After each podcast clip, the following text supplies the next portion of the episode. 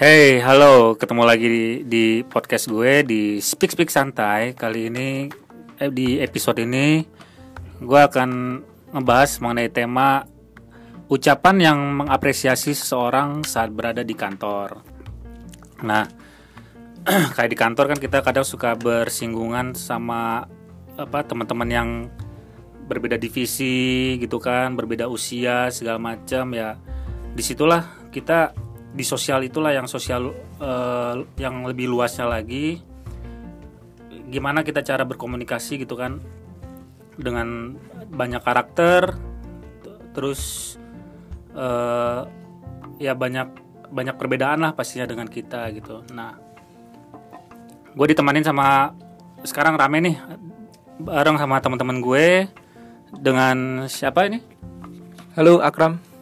Efren Dani. Edi. Mantap. Nah gimana nih menurut uh, lulus semua nih mengenai apa kalau kita tuh di kantor berteman itu pasti ada perbedaan kan? Uh, perbedaan di sekolah di komunitas di luar segala macam gitu kan. Apalagi di sini kan kita suka beda divisi gitu kan beda background budaya beda gaya hidup. Nah itu uh, gimana sih gitu kan cara cara uh, apa cara berkomunikasinya gitu. Ada yang mau kasih komen? Ada nih tuh. Ada ayo ah. Ayo ngobrol dong ya normal dong. Udah aku dulu deh mas Bagja. Boleh. Kalau menurutku ya apa namanya kalau kayak di kehidupan di kantor tuh aku ngelihatnya uh, omongan kayak gitu maksudnya uh, apresiasi ke seseorang itu buat buat buat aku kayak ini aja nih kebutuhan. Kebutuhan ya. Jadi kayak kebut sebenarnya manusia tuh punya beberapa kebutuhan dasar kan. Mm-hmm. nah menurut uh, menurutku tuh salah satunya uh, diapresiasi dan ya disayangi lah istilahnya tuh diperlakukan baik lah istilahnya. Oh, iya, iya. Uh, maksudnya se kayaknya se brengsek brengseknya orang tuh kayak butuh, ada, butuh ya ada ya? ada butuh diapresiasi gitu. Gimana ada apa Edi? Dan. Kalau gue pribadi sih ini uh, ke guanya dulu gitu ya kayak gue tuh tipe orang yang mikirin banget nih. Uh, respon dari orang itu bakal kayak gimana dari tindakan gue gitu kan. Kayak misalkan kalau gue berbuat baik apa namanya uh, orang ini bakal gimana gitu kan. Sebaliknya kalau gue berbuat jahat pun gue pasti bakal mikirin impactnya gitu di dia gitu kan. Ada ada impactnya ya? Mm -mm, gue lebih mikirin ke impact dari orang itu sih dari kalau dari tindakan gue nya gitu. Jadi kadang juga memang gue harus berhati-hati banget sih gitu kalau terhadap apalagi ke lingkungan baru gitu kan. Yang gue belum tahu uh, warnanya kayak gimana terus sifat-sifatnya kayak gimana gitu. Jadi kayak lo research dulu ya mengenai budaya di yeah. tempat baru itu ya? Betul gitu sih. Bagus tuh.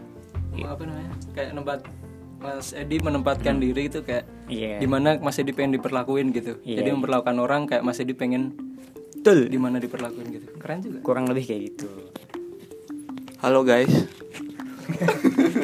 Santuy aja kali. Canda dikit yang terlalu serius. Ada ada pendapat apa nih, Fred? Kalau gue nih uh, pingin sharing pengalaman aja ya. Siap. Karena jujur gue waktu pertama kali masuk uh, kerja itu, gue tuh orangnya uh, apa punya prinsip gue nggak akan mau komunikasi sama orang kalau nggak penting-penting banget gitu loh. Hanya seperlunya aja gitu kalau misalnya gue ada perlu kalau ada perlu nih misalnya gue dari divisi grafis ada perlu sama editor ya gue akan ngomong gitu. Kalau bukan da, uh, bukan maksudnya bukan rana masuk dalam lingkup kerja gue gue akan ngobrol gitu. Cuma ke sini ke sini kan jual mahal gitu ya? iya gitu. Namanya juga orang keren kan. Cuma ya namanya kita masuk lingkungan kerja ya mau gak mau kan kita mesti apa ya e, membaur gitu ya. beradaptasi sama orang-orang. Karena ya namanya kita komunikasi kita jadi bisa kenal setiap orang tuh e, karakternya gimana sih kayak gitu. Karena itu menurut gue nanti ke depannya itu penting banget. One day lu suatu saat lu akan e, apa misalnya dipromosikan jadi head atau lu nanti one day punya bisnis komunikasi sama orang. Menurut gue gitu sih. Itu anaknya di dunia kerja sih. Ketemu banyak orang e, macam-macam karakter macam-macam sifat bisa jadi pembelajaran yang menyenangkan buat gue itu dari gue shalom. Wede. Ngeri ngeri ngeri. menyebarkan ajarannya bagaimana kampanye gelap Assalamualaikum. Waalaikumsalam. nah, jadi kayak misalkan eh, apresiasi itu kan kayak mis eh, lu kayak diminta tolong gitu kan. Eh, ucapan tolong itu berpengaruh nggak sih kayak misalkan eh, kayak gini misalkan let's say eh cuy eh, kerjaan ini dong gitu kan. Gua ada gua ada butuh kerjaan nih gini gini gini gini gini gini gitu kan. Atau dengan kata-kata kayak e, cuy gue minta tolong dong boleh nggak untuk ngerjain kayak gini gini gini gitu. Itu menurut lu eh, berpengaruh nggak sih ke sisi lulu semua gitu? Sa, Dani? Wede.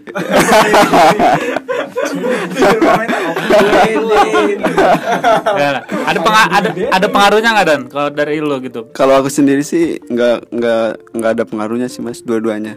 Cuman kalau ada tolongnya istilahnya lebih baik gitu. lebih Lebih enak lah. diterimanya lebih enak gitu ya Iya. Cuman nggak ada ininya. gimana kalau Mas Ebran coba tahu ada ini lagi oke bersama dengan gue friend Balik lagi jancu. yang ngomong gak usah dibuka aja biar pada kenal ini apa sih ini friend gitu kan? Kalau gue pribadi sih sebenarnya tergantung dari orangnya ya. Kalau misalnya kita udah kenal banget dan dia maksudnya nggak perlu minta tolong ya kita kan eh, udah kenal deket oke oke aja sih.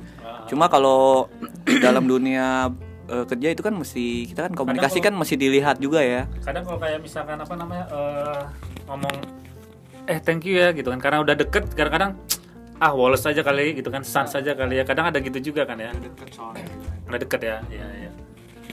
tapi eh, sekali lagi tetap aja kita kan eh, attitude itu kan perlu ya. Karena kita juga kadang dilihat orang juga wah ini kok minta tolongnya seenak jidatnya dia ya. Kayak nggak ada respect. Apalagi lu ngomong sama yang lebih tua.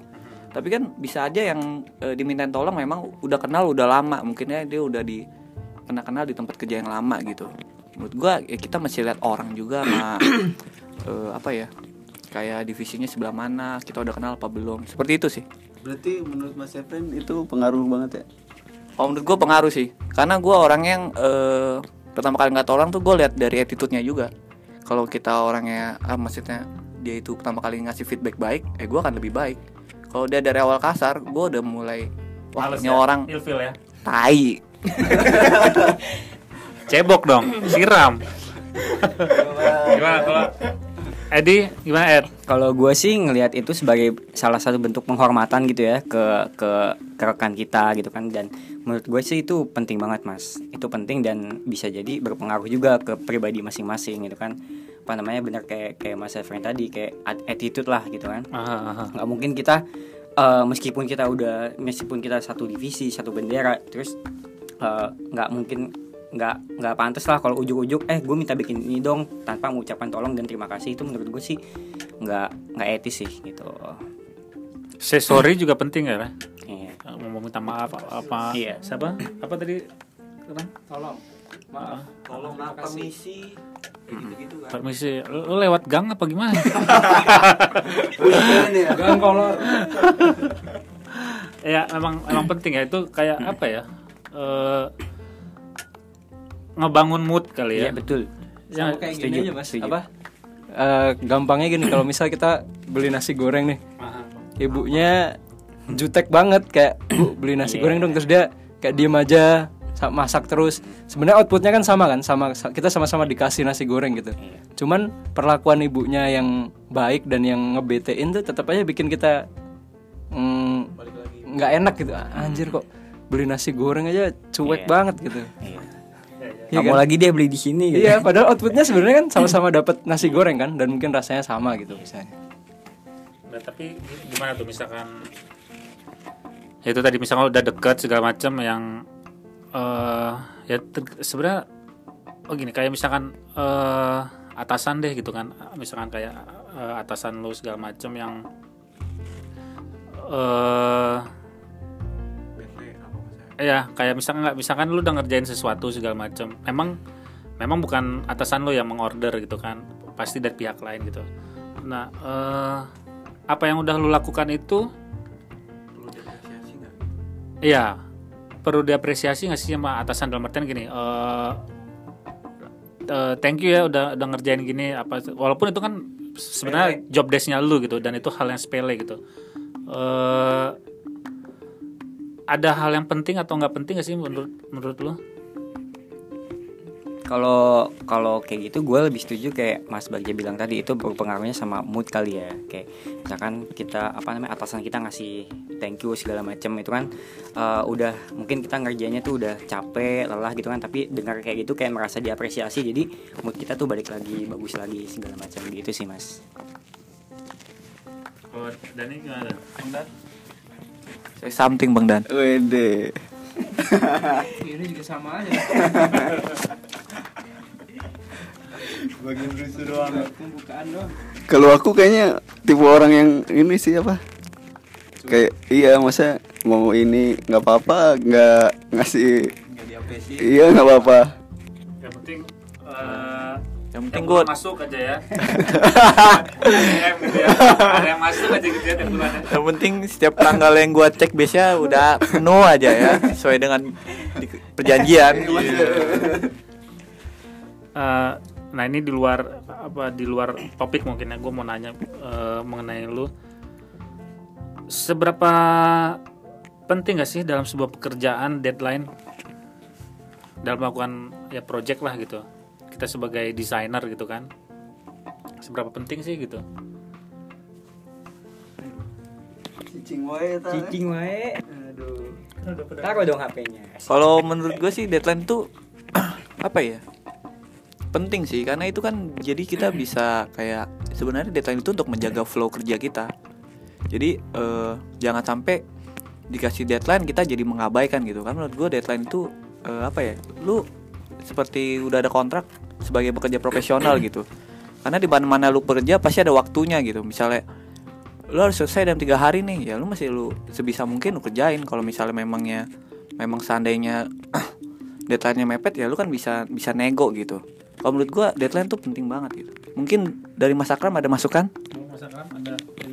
Iya, ma- eh, sama aja sih. Maksudnya eh, penting banget karena itu kan sifatnya kayak kontrak gitu ya.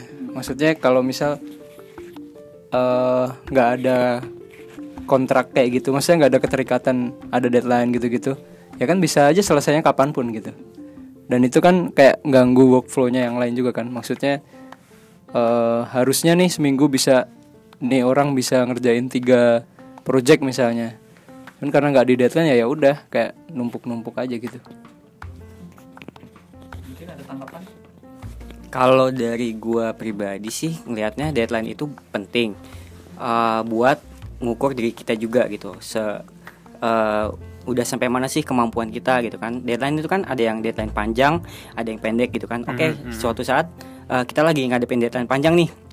Kita berhasil di situ kan. Kita kita bisa ngasih yang kita bisa ngasih yang karya yang optimal gitu kan. Tapi begitu kita menghadapi deadline yang pendek gitu kan, oh ternyata ternyata kita nggak bisa nih gitu kan ternyata eh, pekerjaannya belum selesai. Nah dari situ kan kita ketahuan nih, oh ternyata eh, kemampuan kita masih masih kayak gitu, masih segitu gitu kan.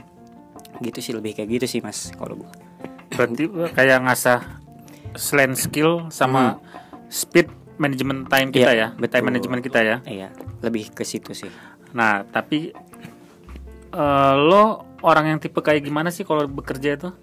Kayak tipikal orang yang harus stay di kantor atau bisa kerja di mana aja gitu. Malah malah itu yang bikin lo lebih enjoy. kalau dari gua nih kalau misalnya kerja mau di luar mau itu di dalam nggak masalah. Yang penting sih apa ya kantor itu suasananya jangan terlalu tenang dan kaku. Gue lebih suka yang agak sedikit rame model-model. Ya kalau lu mau suka beraktivitas sambil mendengarkan musik sambil lu main piano nggak masalah gitu. Yang penting jangan ganggu orangnya tapi suasananya mau lu bikin rame oke okay bagi gue sih. Tapi gue lebih suka kerjanya itu kalau bisa di apa di kantor dibanding di luar gitu. Oh, iya, karena iya. lebih auranya lebih apa ya lebih bikin kita semangat bekerja gitu. Daripada daripada di luar. Kalau gue kalau udah di luar sorry gue akan buka game dan baca komik males-malesan gitu kalau dari gua. kalau ya bener sih. Kalau menurutku juga sebenarnya kalau buat kerja kalau buat aku ya biar bisa optimal tuh lingkungannya yang nyaman gitu. Nah, aku misal nih eh di kantor udah nyaman nih di meja itu gitu misalnya. Ya. terus Mas Bagja ngasih kebebasan udah lah kalian hari ini boleh kerja di mana pun gitu. Boleh di rumah boleh di apa namanya kafe boleh di ya aku kan tetap milih di situ karena ya udah udah udah emang udah nyaman di situ gitu. Dani teman-teman Dani apa nih? Wede.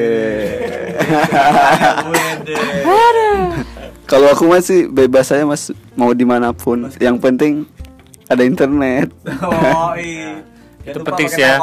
Untuk apa namanya eh, apa untuk misalnya ngirim-ngirim upload download segala macam gitu ya. Iya. tapi lu bukannya lebih enjoy di kerja di luaran gitu dan? Enggak dan? Maksudnya? kalau kayak di kafe gitu atau di kosan Enak-enak aja sih. Di mana enggak di mana pun aku enak-enak aja sih. Yang penting ada internet. itu penting ya Iya. Kalau aku.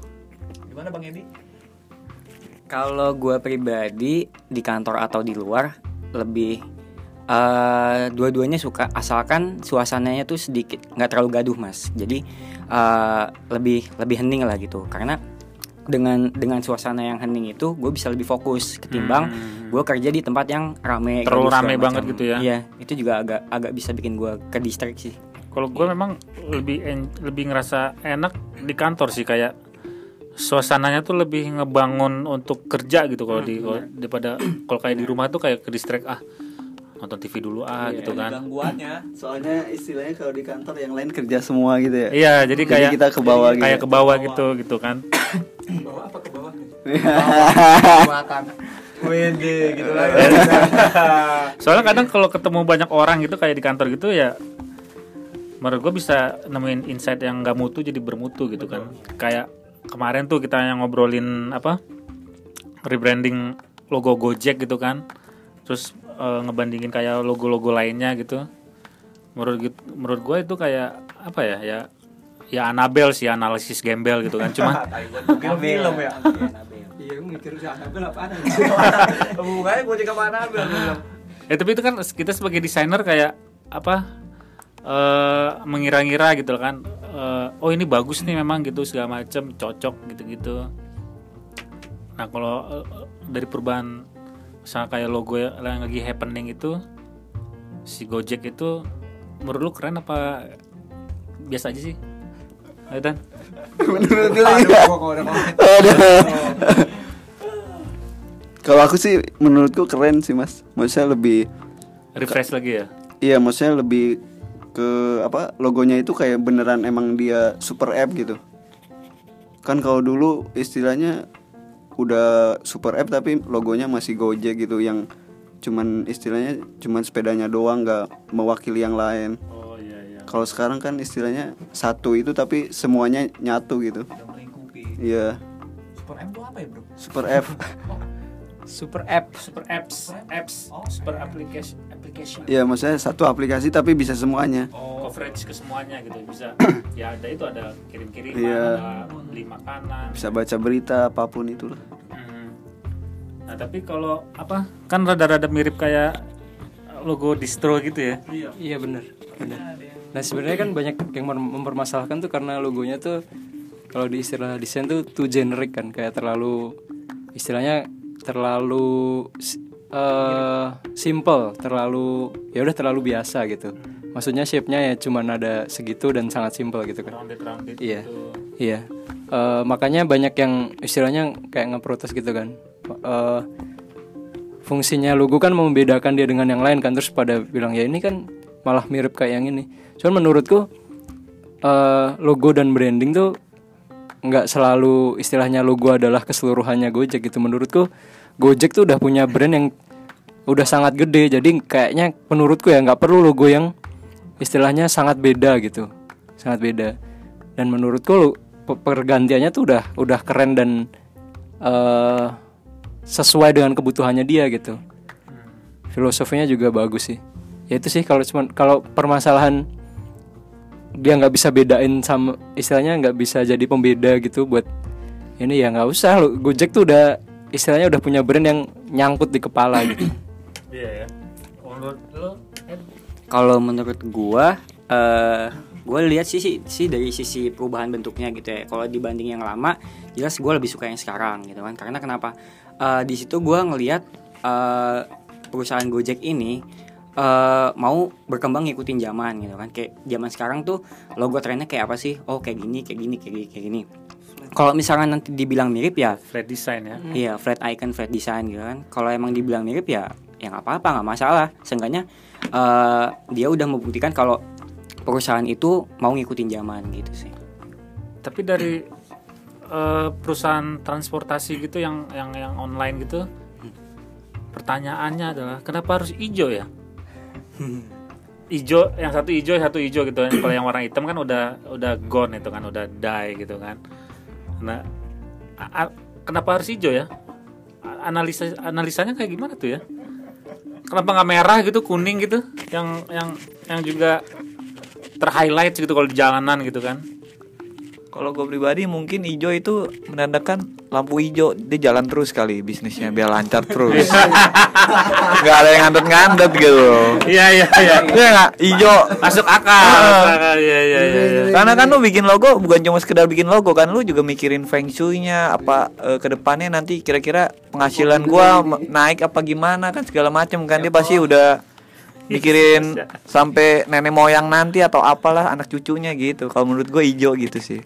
Kalau merah ntar suatu saat pasti berhenti gitu ya Mm-mm. Sama hijau kan kayak istilahnya kan mungkin alam jadi ya memang kita tuh kerjanya kan di luar kan Gojek kan lebih ke fresh Widih. aja gitu. Itu kalau dari sudut pandang gue. Anabel ini Anabel juga nih gitu kan Analisa gembel.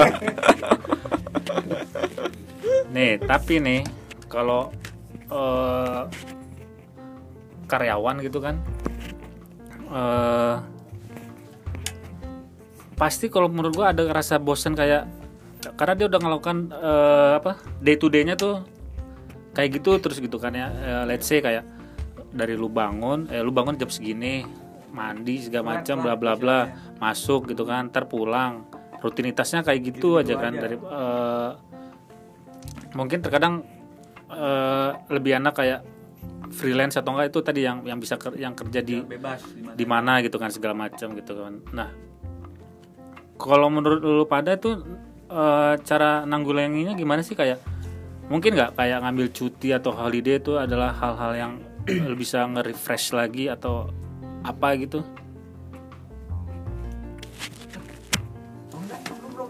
Udah. Bang Dan ngomong. Masa itu itu dulu tuh. Oh, Mas Akram dulu. Oh. Pakai rebutan. Silakan Mas Akram. Waktu dan tempat kami persilakan. Kalau menurutku eh karena aku pernah baca-baca buku soal stres kerja ya Mas Bagja. Salah. Kenapa harus ditepokin aja? ada nyamuk kali Nah, salah satu yang yang ningkatin stres kerja tuh eh pekerjaan yang repetitif. Repetitif tuh kayak misalnya buruh pabrik tuh motongin kertas gitu misalnya. Kan dia kan kayak gitu terus kan. Nah, itu salah satu yang eh, ningkatin stres kerja. Nah, kalau masalah itu kan tetap balik ke tiap orangnya kan. Maksudnya kalau dia ngerasa udah udah jenuh nih, ada baiknya kalau menurutku ya dipakai ini cutinya. Karena ya itu jatah kita untuk refreshing kan. soalnya ada juga sekarang kayak karyawan gitu yang ngeklaim mungkin ya gitu kan bahwa nge- ngeklaim dirinya kayak eh, workaholic bitch gitu. Jadi kayak berpikir kayak eh, ap- apaan itu liburan gitu kan ah what the hell lah gitu kan gue ah gue lebih enak kerja gitu toh. Weekend gue punya gitu itu. Gimana tuh? Cicing kabel. Oke.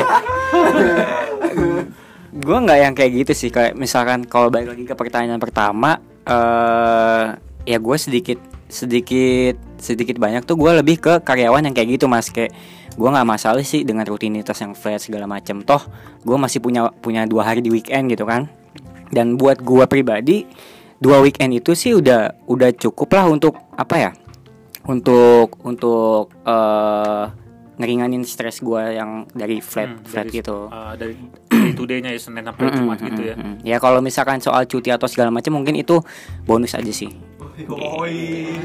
Kerja keras nih. Hajar Bang ya.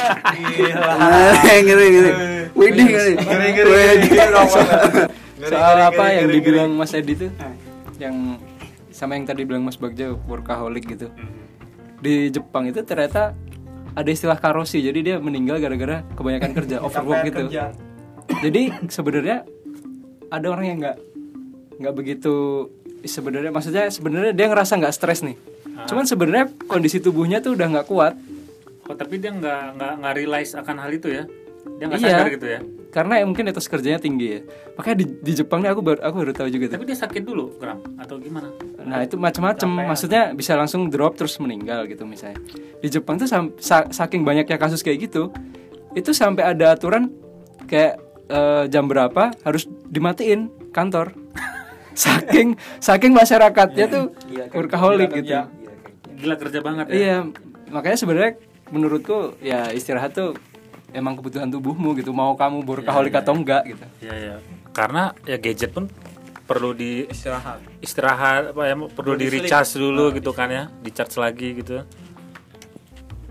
gimana Mas Ebon kirain mau ngomong aja. Janco.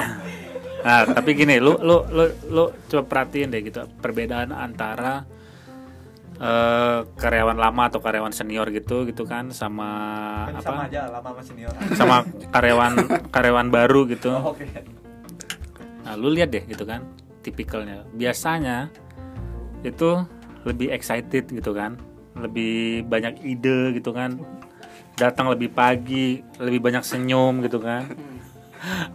antara gila atau nggak udah stres Nah, tapi kalau kayak Dani gini dia keluar dari kamar mandi aja bisa senyum gitu.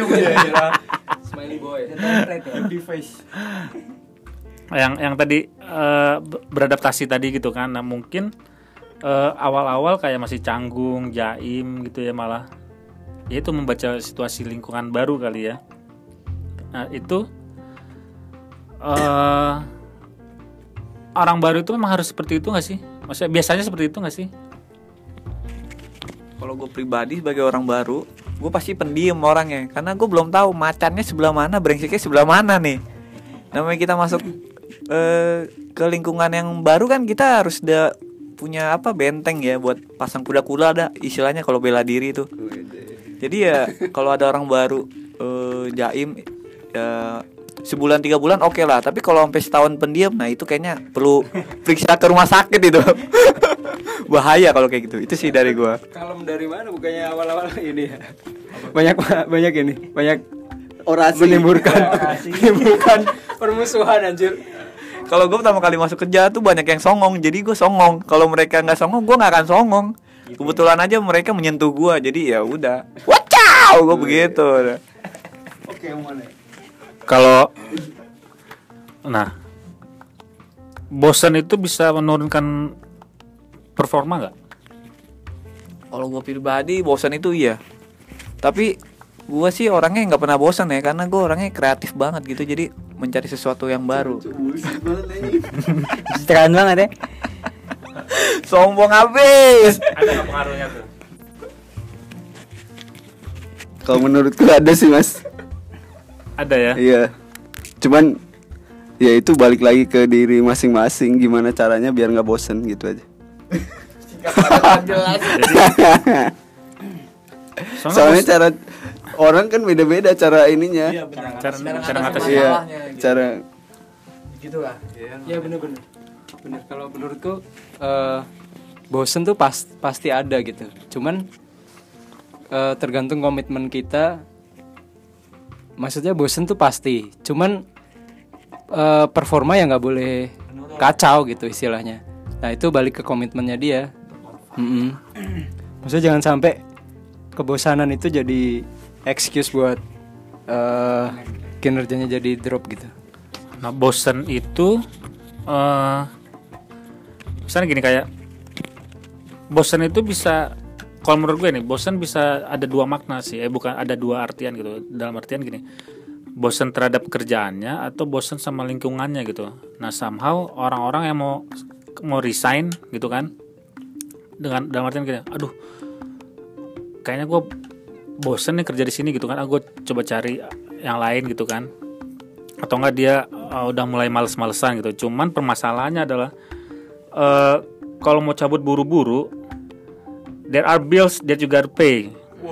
Ya kan jadi lo mau resign tapi galau gitu kan Iya.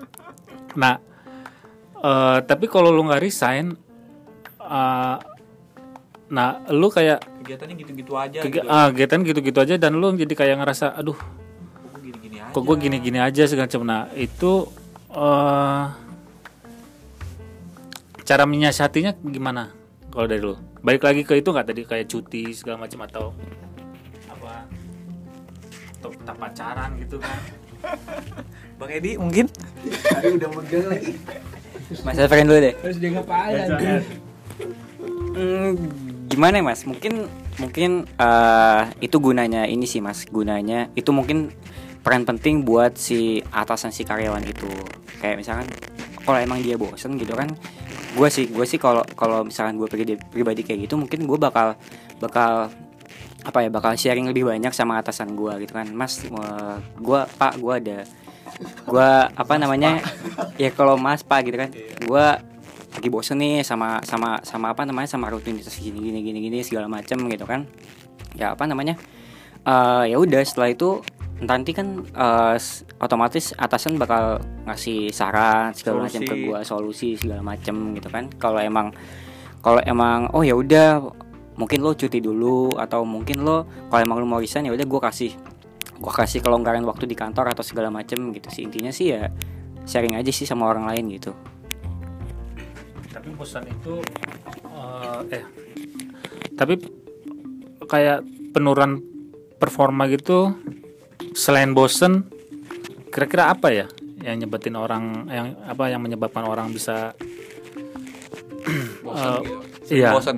sering bosen atau enggak performa menurun gitu kalau gue sih jujur kalau gue sih eh kayak bosan atau penurunan performa itu sering sih terjadi gitu dalam artian gini mungkin dari misalkan eh gue lagi banyak masalah di luar gitu kan eh yaitu bisa mempengaruhi di tempat kerja. di kerja gue gitu kan. Bukan tempat kerja tapi di kerja gue gitu. Cara gue biasa.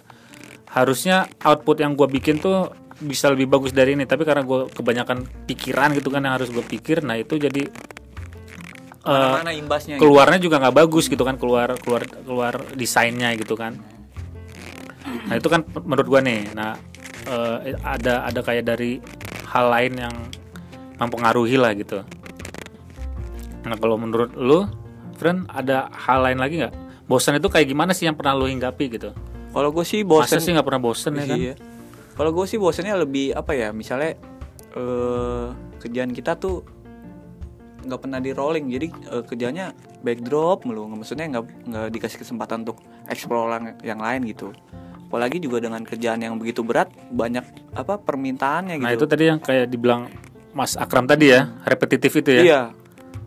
Nah itu Ya, yang bikin kadang-kadang ya. yang bikin kita stres dan kita jadi berpikir nyampe rumah tuh berpikir ulang lagi. Ini gua kerjanya berat, pendapatan di seberapa? eh, apa gue resign aja ya, apa segala macem ya gitu. Apalagi misalnya di tempat kerja gue pingin curhat sama teman takutnya bocor. Karena namanya kantor kan ember semua kan mulutnya ya kan. iya. Masa kita ngomong misalnya gue sharing nih, gue sharing sama eh, bos gue, Mas, gue lagi ada problem nih begini-begini. 5 menit kemudian lu naik ke kantor, itu udah nyebar tuh gosip itu. Luar biasa sekali kan gue bilang. 5 menit ya itu Heeh, Nah mungkin eh, lingkungan dan teman-teman yang mulutnya ember bocor itulah yang kadang bikin, aduh, gue nggak mau lagi deh kerja yang kayak begini sama teman-teman yang begini nih. Motherfucker juga kalau gue sih kayak gue begitu. santai curcol cuy Mungkin yang lain ada masukan gitu kan kalau bosen gimana itu dari gue sih. ya berat eh, yang kalau gua ambil sih tadi eh, intinya adalah kayak eh ya teman-teman gitu ya teman-teman yang yang ya, teman-teman yang Slow, slow. nah teman-teman itu yang asik gitu penting gitu kan ya terus eh, kayak suasana Kerja. kerja juga penting gitu kan ya Terus kerjaan juga jangan apa kalau udah tahu berat ya kalau bisa teman-teman ikut bantu lah ya kayak segala macam gitu. ya kan. tapi lu harus ngomong kalau nggak ngomong ya teman-teman kan kadang-kadang juga nggak tahu ya kan komunikasi Ya, itulah intinya ya. Ini gimana guys? nah terus eh gimana guys suasana nyaman yang kayak gimana sih kalau tadi kan kalau sebenarnya kalau menurut gua gini kadang kalau kayak dari gue nih gue malah nggak nyaman kalau misalkan eh, nggak ada nggak ada musik yang keluar dari komputer mana pun misalkan. Atau enggak eh, Tolong jadi suasana terlalu hening yang semuanya misalkan pakai headphone gitu kan jadinya? Uh. nggak ada yang nyeletuk sana sini sana sini. Nah menurut gue itu bukan suasana yang nyaman bagi gue. Karena ya itu tadi menurut gue teman-teman yang apa suasana yang rada ada bercanda ada goks gitu. Aha itu menurut gue sih lebih lebih lebih bisa ngebawa gue kayak have fun lah have fun gitu ya benar jadi menyenangkan tempat kerjanya gitu Iya benar Mas Bagja. Kalau apa namanya eh, lingkungan kan salah satu yang jadi faktor utama iya faktor eh, betah atau enggaknya kita di kantor kan. Selain nyaman atau enggaknya kita kerja. Cuman kalau sebenarnya kalau kalau dibalik gitu eh nggak semuanya kayak gitu juga kan. Maksudnya nggak semuanya misalnya suka situasi yang rame. Itu kan jadinya di kantor tuh jadi istilahnya banyak banget tuh yang kebutuhan kebutuhan akan lingkungan yang yang baik menurut masing-masing orang itu kan. Karena karena kalau bisa beda-beda sih ya. Iya makanya kalau menurutku ya se- lingkungan tuh penting. Cuman gimana kita nge ngehandle tuh menurutku tanggung jawabnya masing-masing gitu. Tapi baik lagi nih misalkan ke apa? Ke ke apa? Bercanda segala macam gitu-gitu teman-teman gitu. Gua rasa sih terkadang pasti ada rasa baper ya. Ya nggak sih? Kayak eh padahal ya itu ma- mungkin masih dalam semangat bercanda gitu kan tapi ya kan? kayak tiba-tiba apa namanya? SHDDQ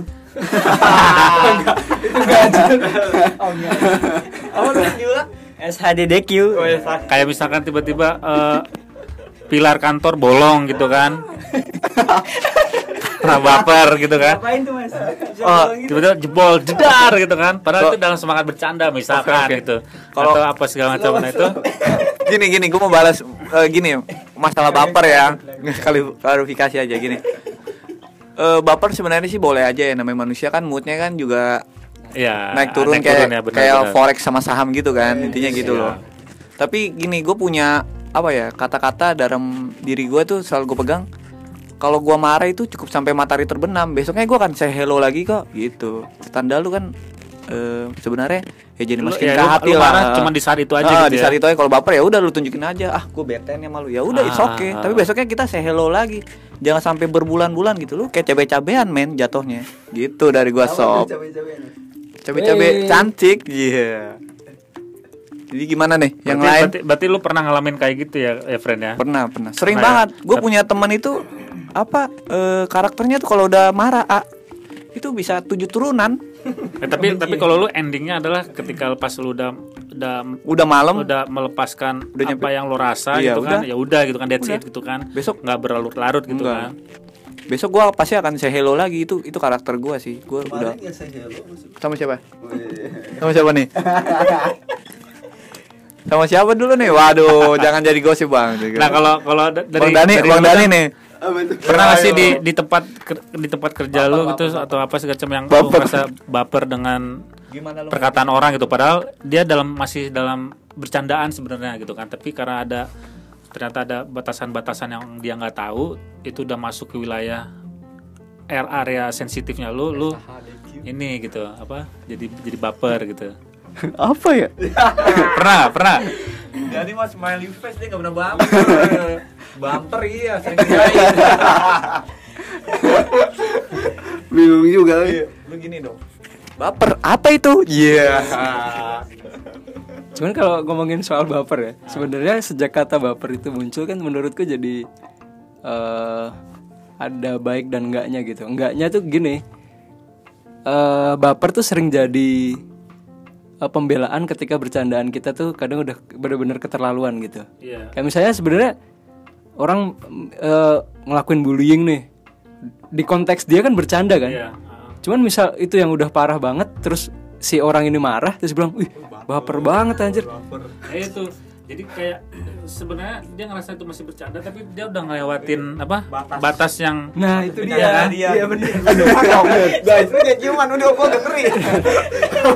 ya ya ya Iya misalnya misalnya balik-balik apa namanya ban motornya dibocorin gitu. ya ya ya Terus padahal dia sedang ada nah itu jadi agenda kayak penting itu gitu. kayak dia kayak memang yang benar yang lu bilang tadi kayak apa eh jadi Pembelaan gitu loh. pembelaan ya jadi kayak bilang eh, bagi yang melakukan melakukannya gitu Gaya banget emang. nah kalau apa lu eh Baper di tempat kerja ya pasti pernah sih mas. Cuma faktornya gua itu eh, gini, eh, tergantung apa yang terjadi di luar kantor dalam hidup gua gitu kan. Kayak misalkan gua lagi ada masalah, terus gua diceng-cengin segala macam ya, itu bisa jadi pemicu gua buat baper gitu loh. padahal kalau misalkan apa biasa-biasa aja lu nggak akan Nggak, gitu iya, gitu ya iya. Jadi tergantung faktor di luarnya juga sih gitu. kalau lu sering ya baper ya friend Bagi gue sih baper ya biasa lah namanya manusia kan lu, tanda lu masih punya perasaan gitu. Asia.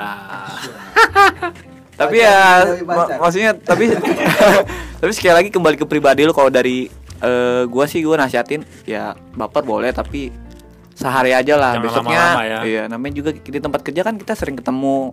Wok- iya kita pakai kamar mandi bareng ini bareng masa lu kayak gitu doang marah gitu. Kalau memang memang ada yang mem- membuat lu tersinggung ya lu ngomong aja.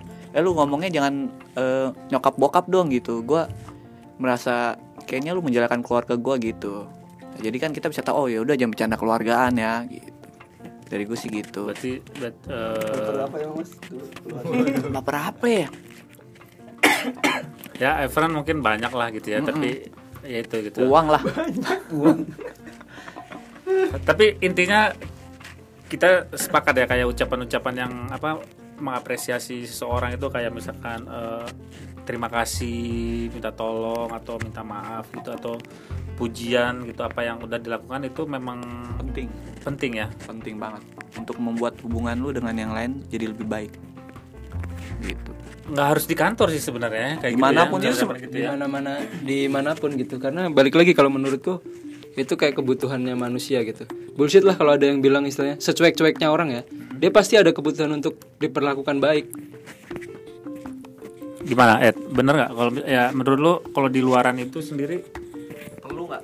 Perlu lah nggak. Karena emang apa namanya ya kita kan karena ngehidup di suatu hubungan eh, dua insan manusia gitu pun sebenarnya per- apa- perkataan kayak gitu juga menurut gua ini ya butuh ya. Iya iya butuh butuh. Karena kalau menurut gue itu kayak ya itu salah satu eh, sikap kita untuk menghargai seseorang gitu. Apalagi pasangan kita gitu kan. Jadi ya kalau untuk kalau untuk di mana pun kita berada ya itu emang harus sih mas karena kan kita hidup kan nggak cuma di kantor doang ntar kita ke sini nanti kita ke sana gitu kan ketemu ini ketemu itu gitu kan jadi ya penting mas kalau di luar itu ada nih gimana Apa nih? Senggol batuk gara-gara itu doang. Gara-gara apa? Enggak Gak makasih enggak makasih gitu. Enggak sih, enggak pernah. Nah, tapi kalau lo oke lah bisa nggak itu tapi dari lu diri dari diri lu sendiri ke orang lain itu eh ini nggak apa bukan.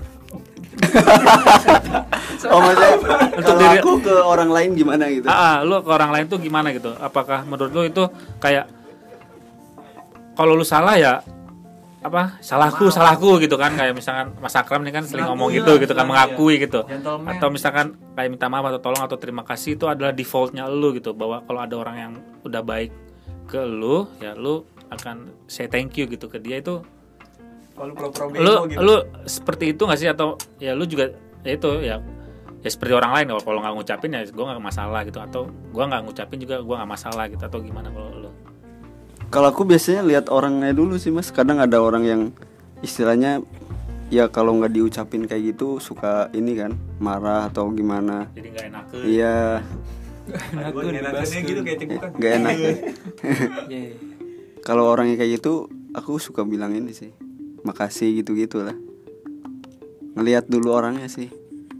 Iya, Cuman, cuman kalau yang udah biasa ya udah. Dia juga pasti udah tahu, oh dia emang kayak gitu. defaultnya ya Iya. Settingannya ya. Oh iya kalau soal apa kata maaf tuh Mas Bagja.